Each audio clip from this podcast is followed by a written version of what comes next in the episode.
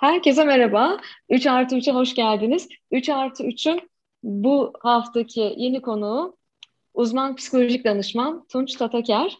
E, Tunç bir ilişki ve evlilik danışmanı ve bu yayın için e, bana Texas'tan, Amerika Birleşik Devletleri'nden bağlanıyor. E, birazdan Tunç'a söz vereceğim ama formatı bir daha hatırlatmak istiyorum. Biliyorsunuz ben konuğuma 3 soru soruyorum. Konuğum da bana üç soru soruyor. Aslında biz gerçek anlamda işteş bir iş yapıyoruz. Yani birbirimizle harbiden söyleşiyoruz. Ee, o yüzden 3 artı 3 konseptini çok seviyorum. Tunça da bunu kabul ederek geldiği için en baştan çok teşekkür ederim. Ee, ama niye Tunç'u davet ettiğimi önce anlatarak e, başlamak istiyorum bu yayına. E, Tunç benim sanırım sosyal medyada, e, Twitter'da bilhassa, Instagram'da da onu çok yakından takip ediyorum. En çok like ettiğim kişi olabilir. Çünkü o politik doğruculuktan çok uzak bir e, psikolojik danışman, e, bir ilişki ve evlilik danışmanı. Ben de politik doğruculuktan hiç hoşlanmadığım için e, Tunç'un söyledikleri e, netliği, dümdüzlüğü ve dürüstlüğü bana çok iyi geliyor. Hatta o şöyle bir şey diyor, diyor ki tweetlerimden rahatsız olanlar ağlayarak bunu günlüklerine yazabilirler. Çünkü ben kutsadığınız tüm kavramları, kavramlardaki çarpıklıkları ve sağlıksızlıkları yazarak, konuşarak sizleri rahatsız etmeye devam edeceğim diyor. E, beni bilenler biliyor. Rahatsız etmenin dostluktan olduğunu düşünüyorum. Doğru söylemenin dostluktan olduğunu düşünüyorum. O yüzden e, Tunç'u misafir almak istedim. O da kırmadı beni. Çok teşekkür ediyorum. Tunç yayına hoş geldin. Hoş bulduk Evrim. Asıl ben çok teşekkür ederim bu güzel yayında beni konuk olarak davet ettiğin için. Ee, normalde ben de çok röportaj tekliflerini kabul etmiyorum biliyorsun. Ee, ama sen sen davet edince kıramadım. Çünkü e, özel bir şey yaptığını düşünüyorum kendi alanında. E, ve kaliteli bir şey yaptığını görüyorum. O yüzden ben de seve seve e, buradayım. Çok teşekkür ediyorum. Konsepti biliyorsun zaten. E, o yüzden evet, herkes evet. kabul etmiyor benim konseptimi Tunç. Çünkü biraz, herkes birbirine açıkça soru soruyor sürpriz çıkabilir ama benim gerçekleri konuşmaktan hiçbir zaman çekinmediğimi biliyorsun zaten. Evet, biliyorum. Ee, o yüzden her şeyi konuşabiliriz. Güzel, o zaman birinci sorum geliyor. Hazırsın. Hazırım. Şimdi ben e, girizgahta da söylediğim gibi e, sen çok e, dimdik, dümdüz ve hiç e, retori sanatına başvurmadan yani süslemeden, sözü süslemeden süstüs püstüs söyleyeceklerini söylüyorsun. Bu yanını çok seviyorum. Gerçekten çok seviyorum. E, ve açıkçası bu yanın e, bana kişisel olarak çok iyi geliyor.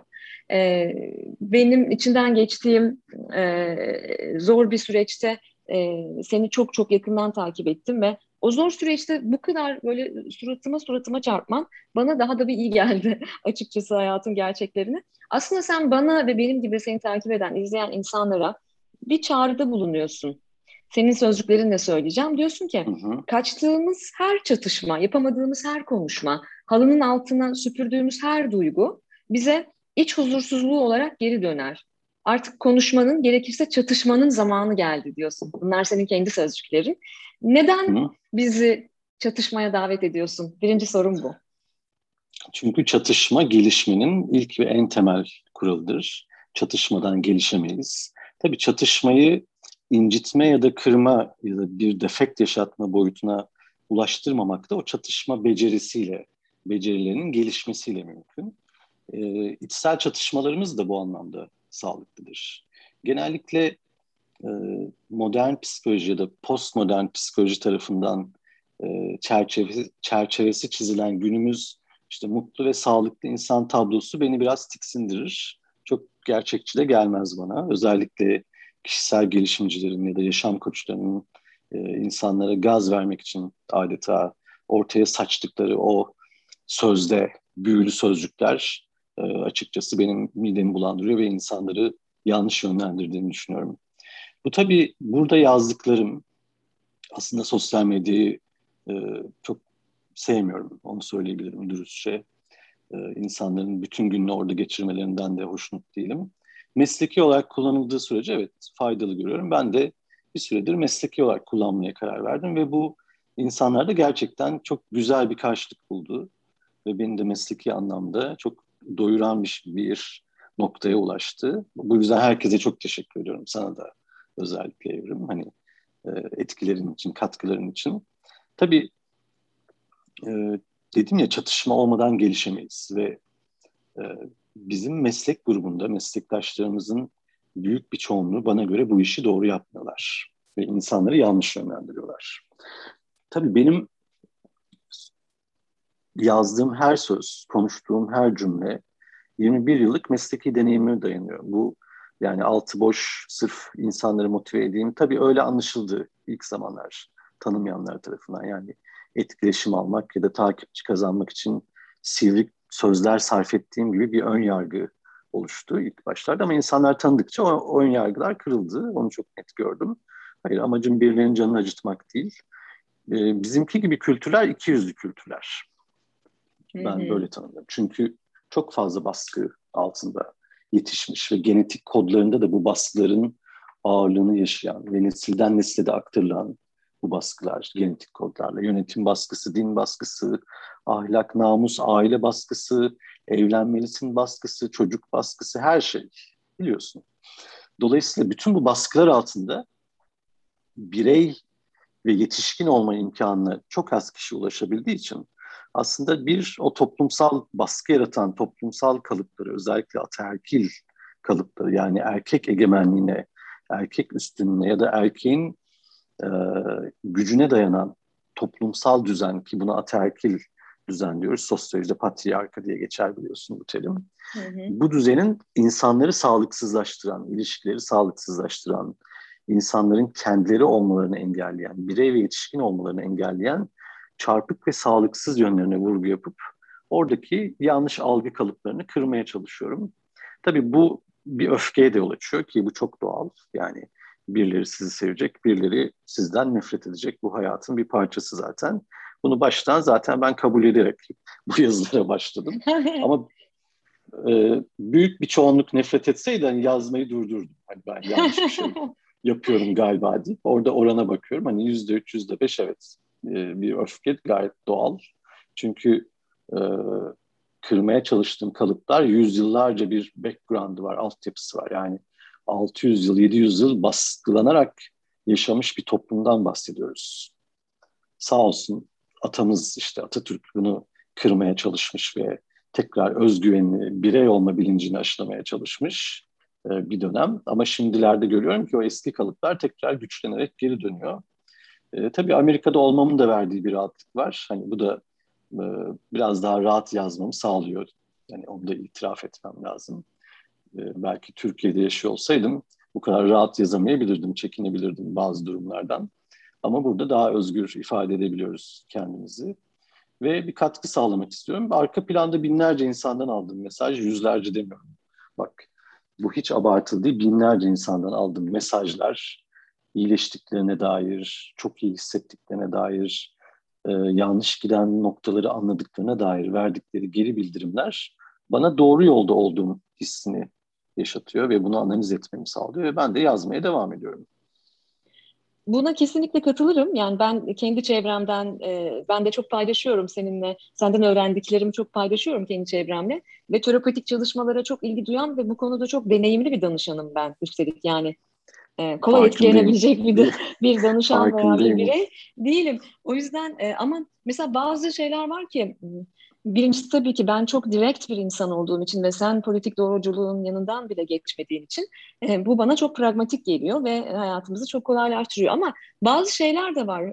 Amerikalıların aha moment dediği böyle işte evet ya budur dediğim şeyleri hala bu yaşımda ve bu deneyimimde yakalayabiliyorum. Bu için, bunun için çok teşekkür ederim sana. Yani soru hakkımı boşuna kullanmak istemiyorum ama şunu özellikle altını çizmek istiyorum. Dostlarıma da çok e, söylediğim bir şey. Mesela bir gün sen şey demiştin. E, bunu paylaştım da kendi sosyal e, mecradaki Hı-hı. kanallarımda. Bir gün sen şöyle bir şey demiştin. Hatta bugün senden önce bir kadın arkadaşımla konuşurken de bunu okudum notlarımdan ona. Bizden yalan, dolan, aldatma, kandırma üzerine kurulmuş bir oyuna uyum sağlamamız bekleniyor. Oyunu oynamayı reddedenlere ise uyumsuz, asosyal veya hasta damgası vuruluyor. Çoğunuz hasta değilsiniz. Sadece oyunu oynamayı reddeden cesur insanlarsınız demiştim. Ee, bana da hasta damgası vurulan bir dönemdi o yani. Hayatımdaki e, e, önemli insanlardan birinin bana hasta damgası vurduğu, damgalandığım bir stigmayla uğraştığım bir dönemde. E, bu bana mesela o kadar iyi geldi ki hani ben e, okumuş etmiş, mürekkep yalamış bir insan olarak e, bu, bu, bu manipülasyonu yiyebiliyorum yani. Dolayısıyla bir uzmandan e, ve senden bunu duymak gerçekten çok güzel ve özel. Bunun gibi tabii bir sürü şey. E, bir, bir katkım onun için teşekkür ediyorum. Bir katkım olduysa ne mutlu. Çok bunlar beni mutlu eden ve besleyen geri dönüşler zaten evrim.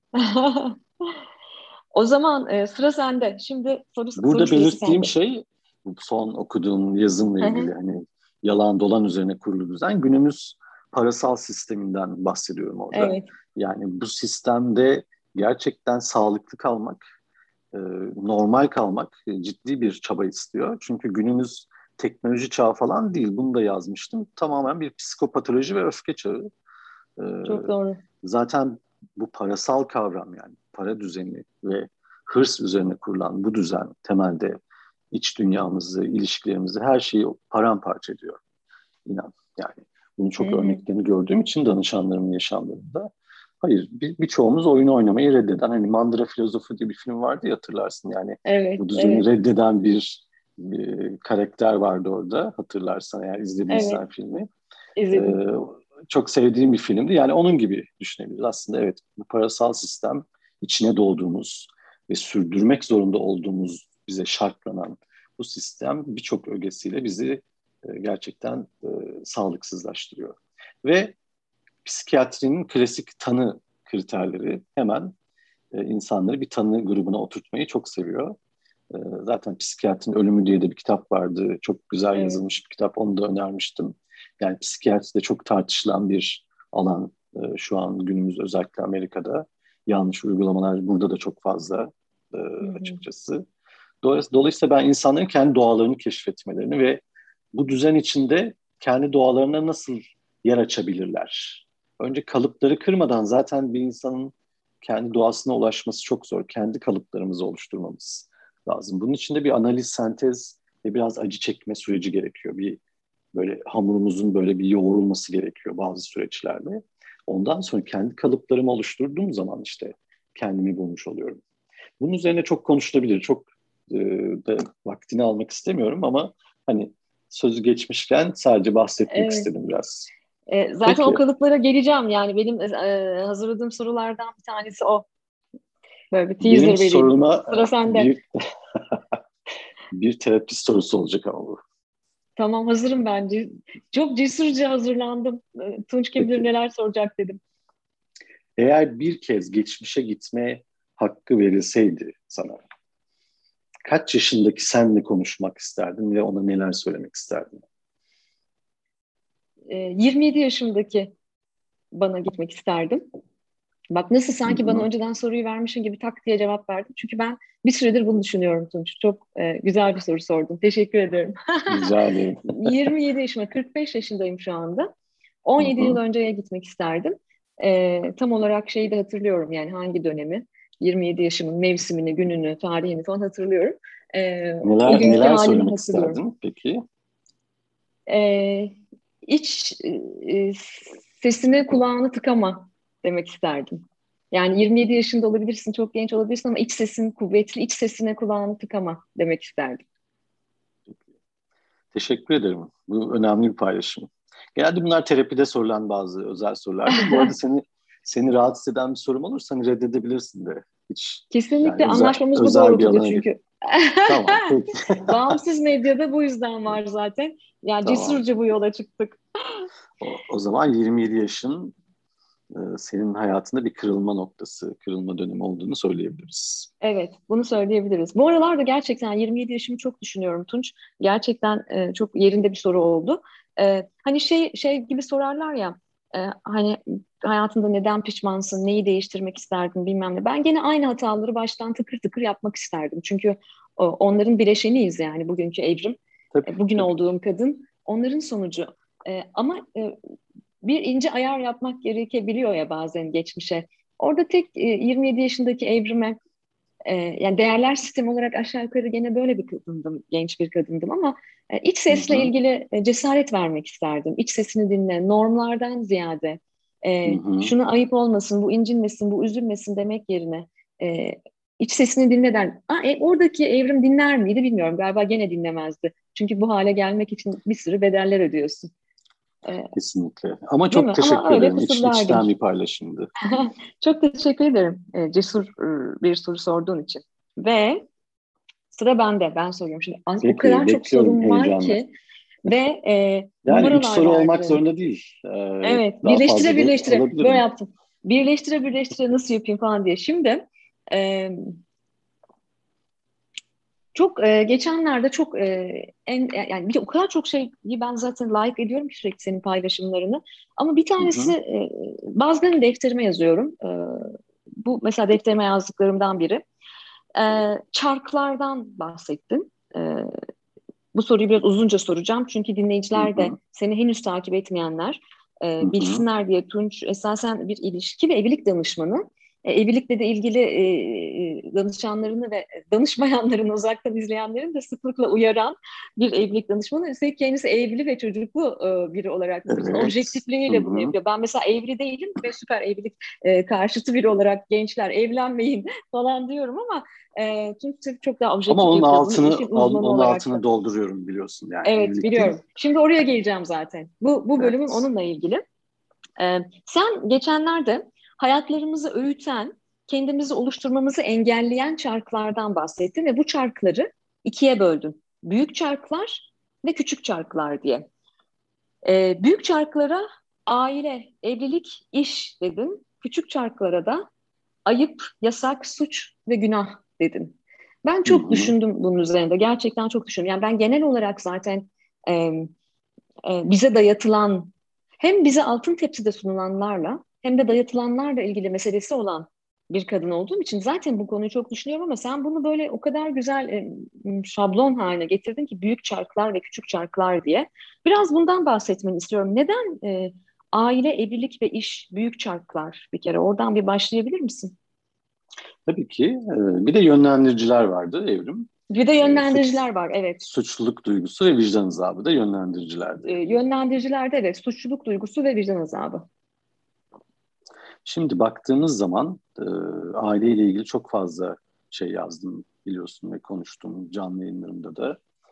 E, tabii doğduğumuz aileyi seçemiyoruz. Öyle bir şansımız yok ama nasıl bir hayat süreceğimizi seçebiliriz. Bir ailenin içine doğuyoruz. Anne babamız hasta olabilir, toksik insanlar olabilir, e, psikiyatrik sorunları olabilir ya da kötü insanlar olabilir. Şimdi bunu seçemiyoruz ve buradan başta bir defekt, ciddi bir tahribat, almaya başlıyoruz psikolojik açıdan. Genelde de Türk aile yapısı çok sağlıklı değil. Hatta bunu da yazmıştım. Aile kutsal değildir. Ailelerin çoğu ülkemizde toksiktir. Yani psikolojik açıdan zehirlidir. E, toplumun temeli de değildir. Bu sadece bir kandırmacadır. Toplumun temeli herkes için adalet olgusu üzerine inşa edilmiş koşullarda eşitliktir. Bu da politik bir göndermeyiz aslında. Evet, sözünü balla kesiyorum ve bunun için ayrıca teşekkür ediyorum. Ee, aynı şekilde sen e, anneliğinde böyle kutsallaştırılmasıyla ilgili, e, ailenin kutsallaştırılmasıyla ilgili olduğu gibi görüşlerim var. Bir anne olarak. E, e, bütün kalbimle katıldığımı ve annelik kimliğinden ötürü kadının kutsallaştırılmasına da e, ziyadesiyle karşı olduğumu bu vesileyle ben de hatırlatmak istiyorum. Bunun için çok teşekkür ederim sana. Rica ederim. Ee, ben teşekkür ederim ilgin için. Şimdi burada e, kutsallık yüklediğimiz her kavram başta zaten sağlıksızlaşıyor. Hı hı. Kutsallık bir parlak bir kılıf gibi yani dokunulmaz bir kılıf gibi ve içinde ne olduğunu bilmiyoruz. İçine bir kavram konuyor. İşte aile olabilir, evlilik olabilir, başka çocuk olabilir, her şey olabilir. Ama içinde ne içindeki sağlıklı mı? Beni zehirliyor mu? Bana zarar ya o kılıfı yırtıp bir atmam lazım. Onun gerçeğini görmem lazım. Ailenizi boş ve aile önemsizdir, değersizdir demiyorum aile kutsal değildir diyorum. Çünkü kutsallık yüklediğimiz zaman o şeyi eleştiremeyiz artık. Sorgulayamayız, analiz edemeyiz. O şeyin gerçeğine yaklaşamayız. Yani kutsallık öyle bir hastalıklı bir e, nokta ki beynimizde. E, o, oraya bir kere yerleştirdik mi o kavramı kutsal olarak? Asla sorgulamayız ve hayatımızı adarız. Sonunda da büyük bir hayal kırıklığı ve kaçırılmış yaşamlar ki ben bunlara yaşanmamış yaşamlar e, tanımlaması yapıyorum bu tip yaşamlara. Ama insanlar bunları, danışanlarım özellikle 50 yaşlardan sonra fark etmeye başlıyor. Aile kavramının, evlilik kavramının yanlış yapılan seçimlerinin, o şartlandırmalarla, toplumsal kalıplarla, o ataerkil zorlamalarla yapılan seçimlerin, sağlıksız seçimlerin ki Zaten böyle yapılan bir seçim sağlıklı olma ihtimali çok çok düşük yani. Şans, piyango çıkması gibi bir kişiye çıkıyor işte. Diğerleri amorti. Öyle söyleyeyim. hani geneli amorti. Bir kişiye büyüklük vermeye çıkıyor. O da şanslıysa işte. Dolayısıyla bu, bu seçimleri ailemizle de ilişkiyi büyüdükçe özellikle hatta onu da yazdım 25 yaşından sonra ailenizi suçlamayı bırakın. Bu yetersizliktir ve birçok kişi de bunun arkasına sığınır. Yani ben aptalca seçimler yaptım, hayatımı mahvettim demez de annem şöyleydi, babam böyleydi, ben şunları yaşadımın arkasına sığınmaya çalışır. Hayır 25'ten sonra artık bir yetişkinlik yaşı. Kendi yolumuza gidebiliriz. Zaten gitmeliyiz. Birey bir yetişkin olmak bu demek. Kendi kararlarını almak, kendi seçimlerini yapmak, kendi faturalarını ödemek ve seçimlerinin sonuçlarının sorumluluğunu üstlenmek demek. Bunu, bu, bu noktada olmayan bir, bir kişi zaten birey bir yetişkin olamaz, olamamış demektir. Ve bizde yetişkin çocuk kavramı çok yani yetişkin görünümlü çocuk kişilikler ya da ergen kişilikler kavramı çok fazladır ve bu genellikle de erkeklerde daha fazladır oranı.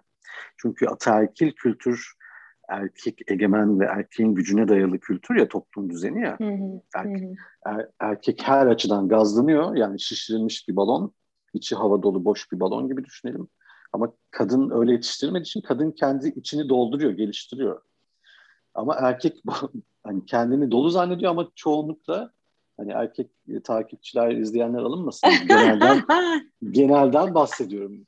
Gerçekten yani özgüvenleri daha düşük erkeklerin o fiziksel gücün arkasına sığınırlar. Şimdi kadın güçlendikçe de ataerkil kültür deliriyor böyle hani kontrolden çıkıyor ya kontrol etmek çünkü. Ataerkil kültür kadının kadını duygusal olarak, fiziksel olarak, cinsel olarak e, her anlamda sömürmeye yönelik oluşturulmuş, oluşmuş bir kültürdür. Ve bu, bu kültürü nasıl sürdürecekler? Kutsallık yükleyerek. Hmm, evet. Şimdi annelik, annelik kutsallık dediğimiz ne? O işte o anne e, kocasına, eşine ve çocuklarına hayatını adayacak. O anne aç mı, susuz mu, sevgiye mi ihtiyacı var, dinlenmeye mi ihtiyacı var sorgulanmayacak. Ve bu da o o kadın da böyle yetiştiği için o adanmışlıktan mutlu oluyor. Yani kölenin mutluluğu gibi. Aa, ben wow. çünkü baş, başka bir alan yaratılmıyor çünkü. Kadın kölenin mutluluğu gibi. Için, evet, var olması için başka bir alan yaratılmıyor. E, orada kutsanan bir şey var işte annelik ya da evlilik. Şimdi kadın eğitim şansı tanınmıyor. Pek genelden bahsediyorum. Yani e, bizim kültürümüzde yetişen insanlardan değil de biz biraz daha şanslı kesimiz çünkü. Hı hı. E, ama Türkiye'nin geneli öyle değil. Bunu biliyorum. Çünkü Türkiye'nin her yerinde bulundum. Hemen hemen yaşadım. O yüzden Türk kültürü yani 44 yaşıma kadar da ülkemdeydim zaten. O yüzden Türk kültürünü ve genetik kodlarını çok iyi biliyorum. İşim de bu olduğu için.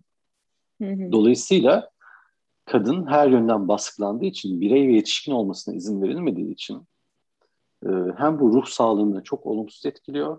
Yani o yüzden kadınlarda psikolojik sorunlar yaşama olasılığı oranı çok daha yüksektir. Çünkü özgürlük ortamı çok daha az hı hı. yetişme süreçlerinde. Hem de orada kutsanan bir şey var. Bari anne olayım. Hani en azından saygı görürüm, onaylanırım, biraz değerli hissederim gibi oraya yöneliyor kendisi de. Bir de adamlar da ergenlikten çıkamıyor. Yani üstüne onu da koy. Tabii. Ee, ileri ergen adamlarla da karşılaşınca kadınlar Aynen olarak deliriyoruz diyebilir miyiz? Ee, Aynen öyle. Sonra Sonra kadın 35-40 yaş gibi kendini bulmaya başlıyor. Hı hı. Ya ben bir bireyim, bireymişim yani benim de ihtiyaçlarım varmış, benim de isteklerim varmış bu hayatta.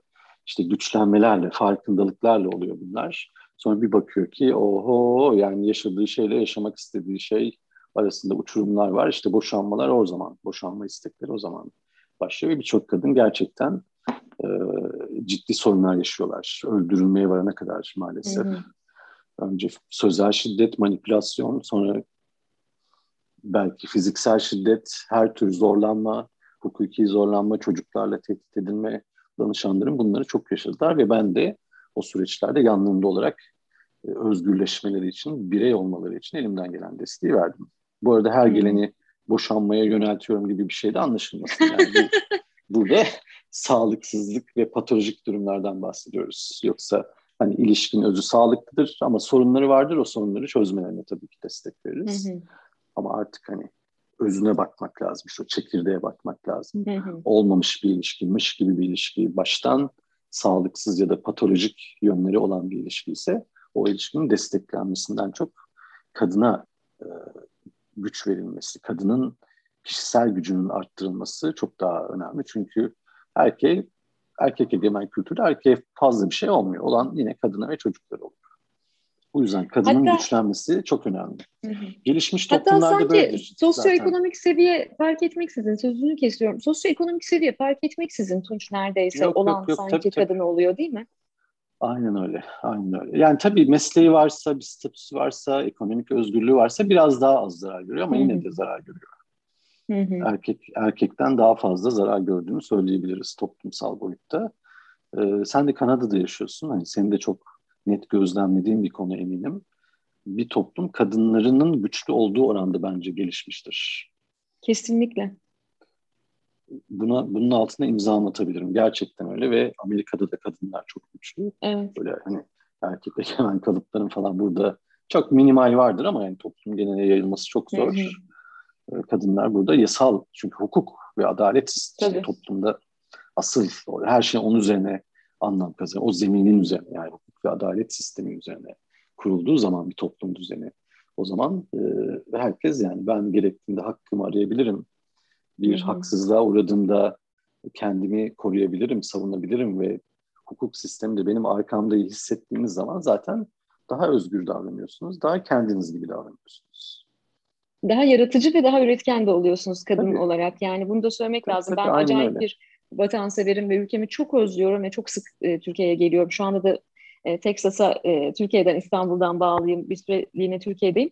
Ama şunu fark ettim Tunç, bir kadın olarak yani diğer kimliklerimi bir tarafa bırak. Ama bir kadın olarak en yaratıcı ve üretken olduğum zamanlarımın bu toplumsal cinsiyet kaygılarından arındığım Kanada'daki yaşantımda başladığını fark ettim. Hı hı.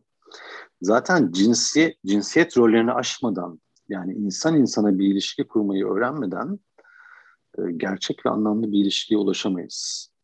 Hı hı. Sen benim karşımda şu an bir kadın değilsin. Şu an insansın benim karşımda. Hı hı. Cinsiyet rolün cinsel partnerini ilgilendirir. Benim de öyle. Ben de senin hı hı. karşında bir insan olarak varım. Şimdi bu gözlüklerle hı hı. bakamadığım sürece zaten e, ilişkiler de çarpıklaşıyor, sağlıksızlaşıyor biliyorsun yani. O yüzden cinsiyet rollerimizden mümkün olduğunca toplumsal ilişkilerde arınmamız lazım.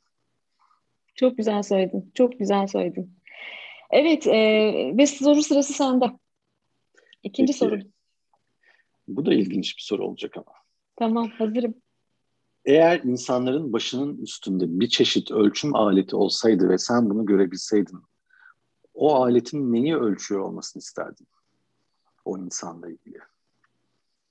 Aha, vay canına. Evet, e,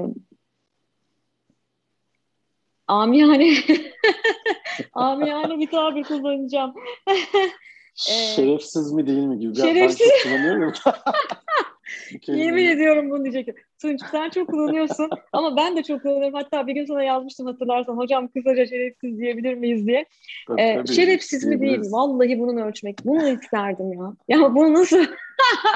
Tunç çok ihtiyacımız var şimdi, bunu ölçmeye. Şimdi şerefsiz bizi dinleyenler diyecek ki bu, bu ne biçim adam böyle. Ne uzman.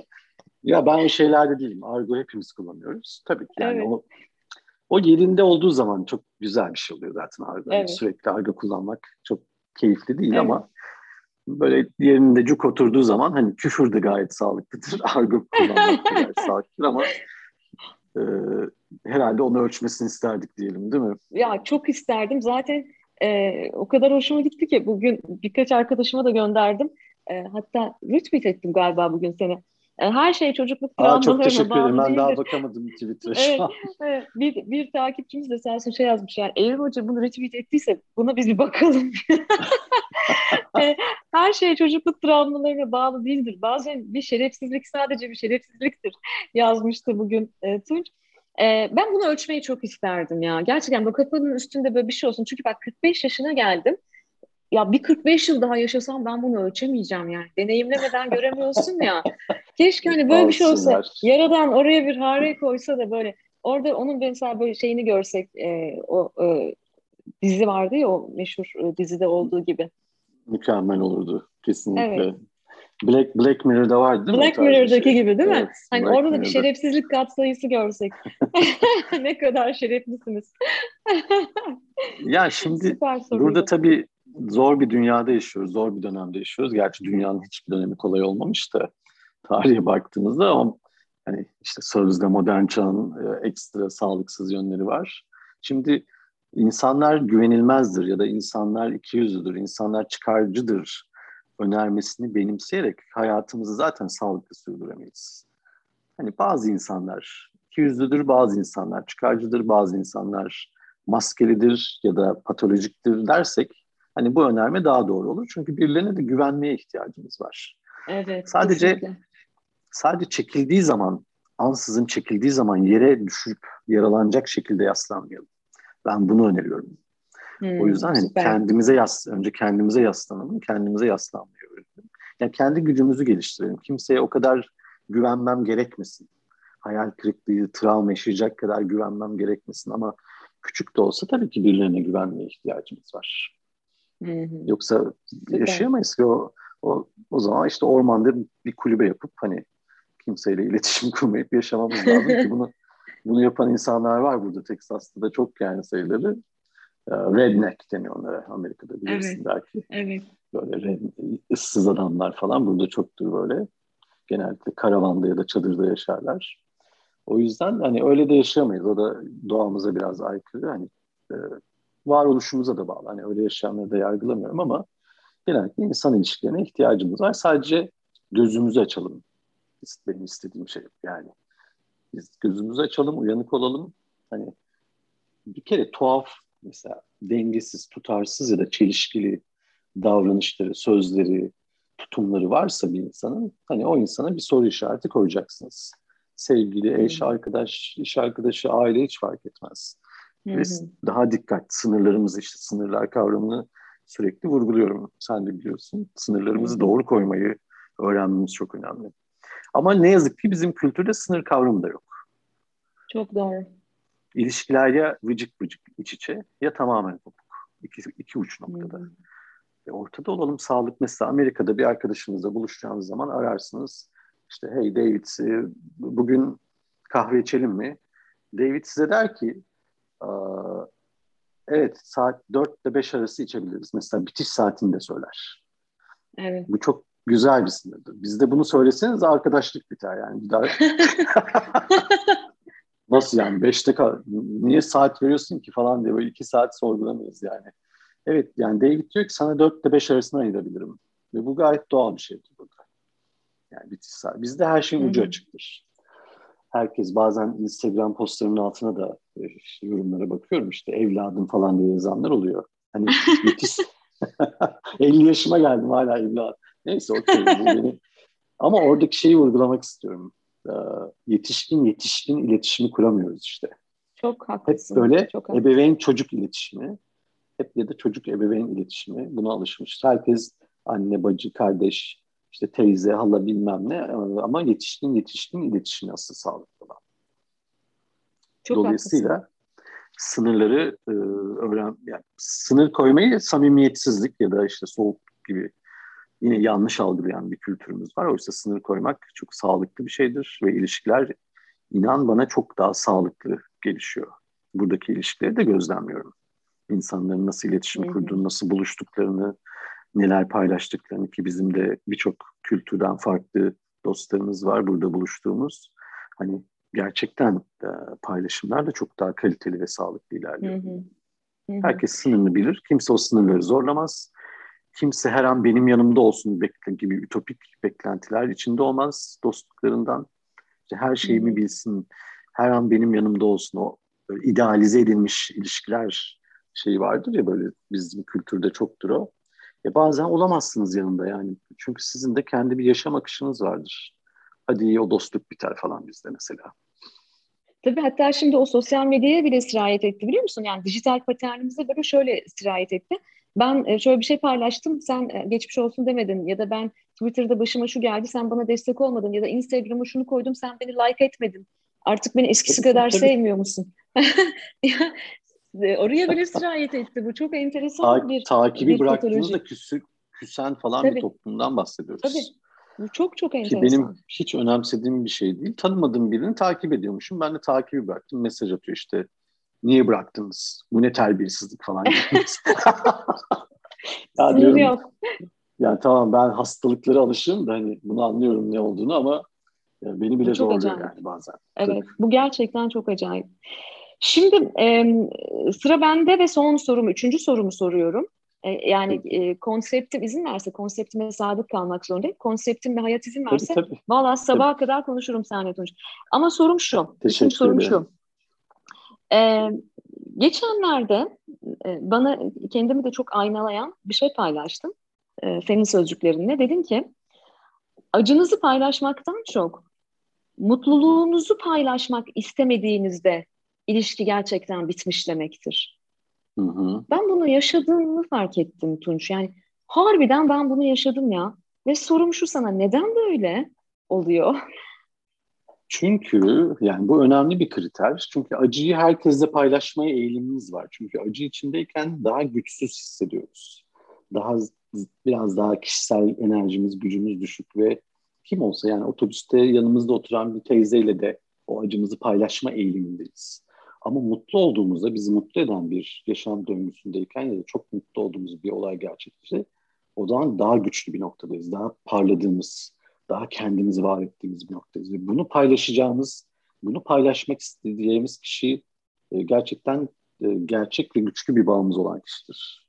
Eğer bunu paylaşmak istemiyorsak gerçekten ilişki o zaman bitmiş demektir. Çünkü o mutluluğu paylaşmayı hak etmediğini düşünüyoruz demektir hmm. o insanın. Bu eşimiz, dostumuz, sevgilimiz herkes olabilir ya da aile, akraba herkes olabilir. Yani onu paylaşmayı hak etmediğini düşündüğümüz zaman demek ki bizim mutluluğumuzdan mutlu olmayacağını hissediyoruz demektir. Kendi iç dünyamızda. E bu da çok hmm. iyi algıladığımız biri değildir artık iç dünyamızda. Şekil değiştirmiş biridir. Bence müthiş bir sinyal bu. Her türlü ilişki e, tartmak için diyeyim kendi içimizde. Müthiş bir sinyal. Yaşarken belki fark etmiyorsunuz ama ben senin bu paylaşımını gördüğümde bende dank eden bir şey oldu bu açıkçası. Evet gerçekten böyle başlıyor sanırım. Her türlü ilişkinin Hı-hı. zayıflaması. Kesinlikle. Yani ilişkiler ölecek. Bu, bunu kaçınılmaz. yani bütün ilişkiler bitmeye mahkum ama ayrılıkta ama ölümle ve bunu hayatın doğal akışının bir parçası olarak kabul etmemiz lazım ki bunu da yazmıştım. Yani tüm ilişkiler aslında hı hı. bir tür iliz, ilizyondur, yanılsamadır.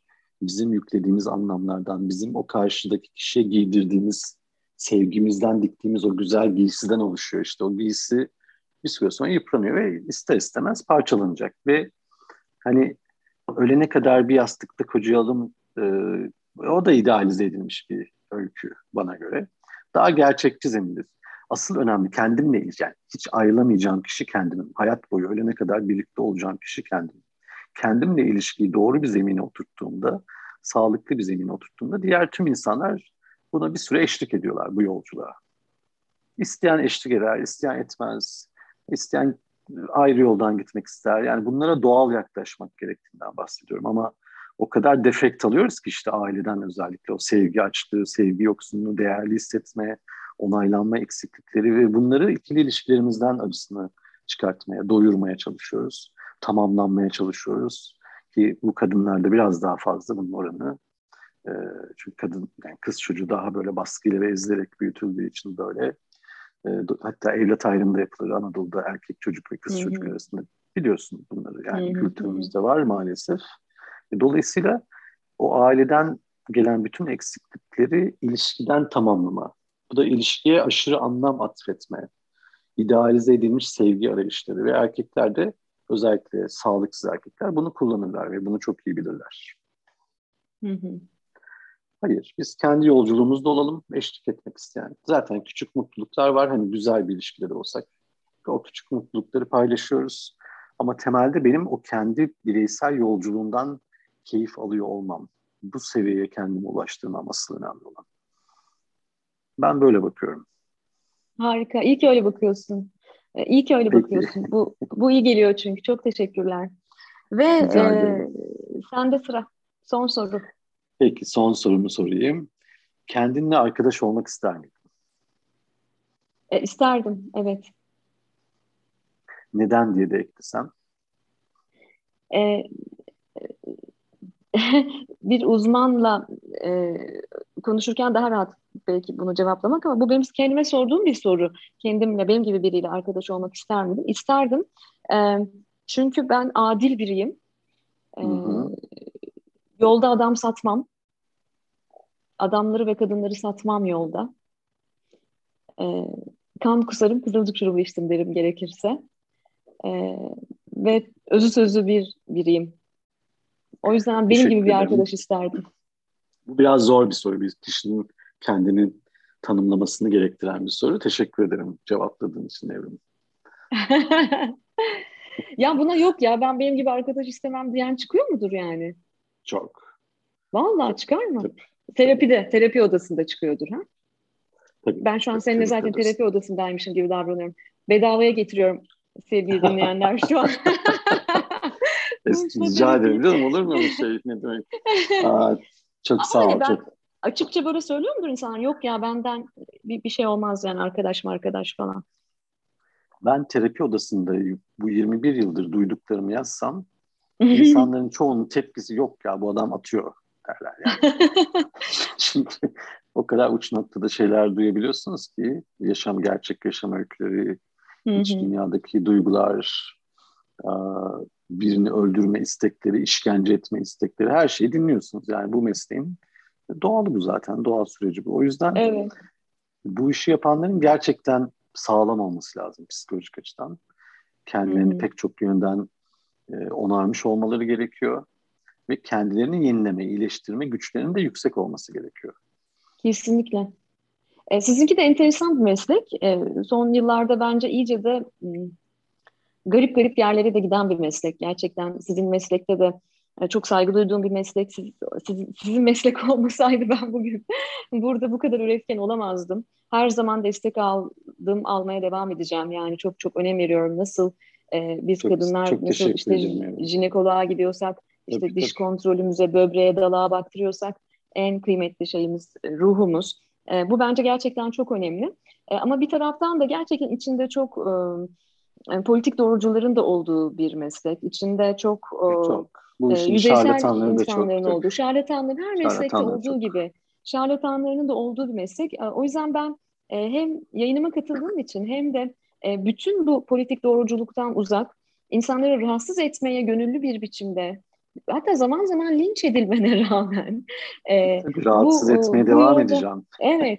Bu yolda rahatsız etmeye devam edeceğim dediğin için, e, buna devam ettiğin için çok çok teşekkür ediyorum sana. Zaman ayırdığın için de çok teşekkür ediyorum. E, şu sohbetimizde de e, hem ben yine bir dolu şey öğrendim. Bizi dinleyenler de eminim çok hoşlanacaklar bu duyacaklarından ve onlara iyi gelecek, şifa olacak.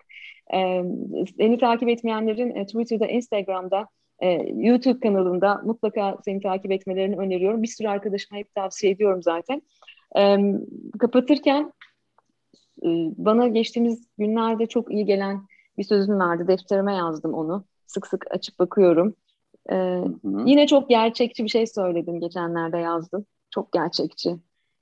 Dedin ki affetmek ve unutmak yoktur. Sadece artık önemsememek vardır. Ee, içi acıyan, canı yananların hep bunu hatırlamasını isterim. Yayını böyle kapatmak isterim. Sevgili Evrim ben çok teşekkür ediyorum bu güzel paylaşımlar için ve beni davet ettiğin için. Ee, her şeyin senin için daha güzel olmasını diliyorum.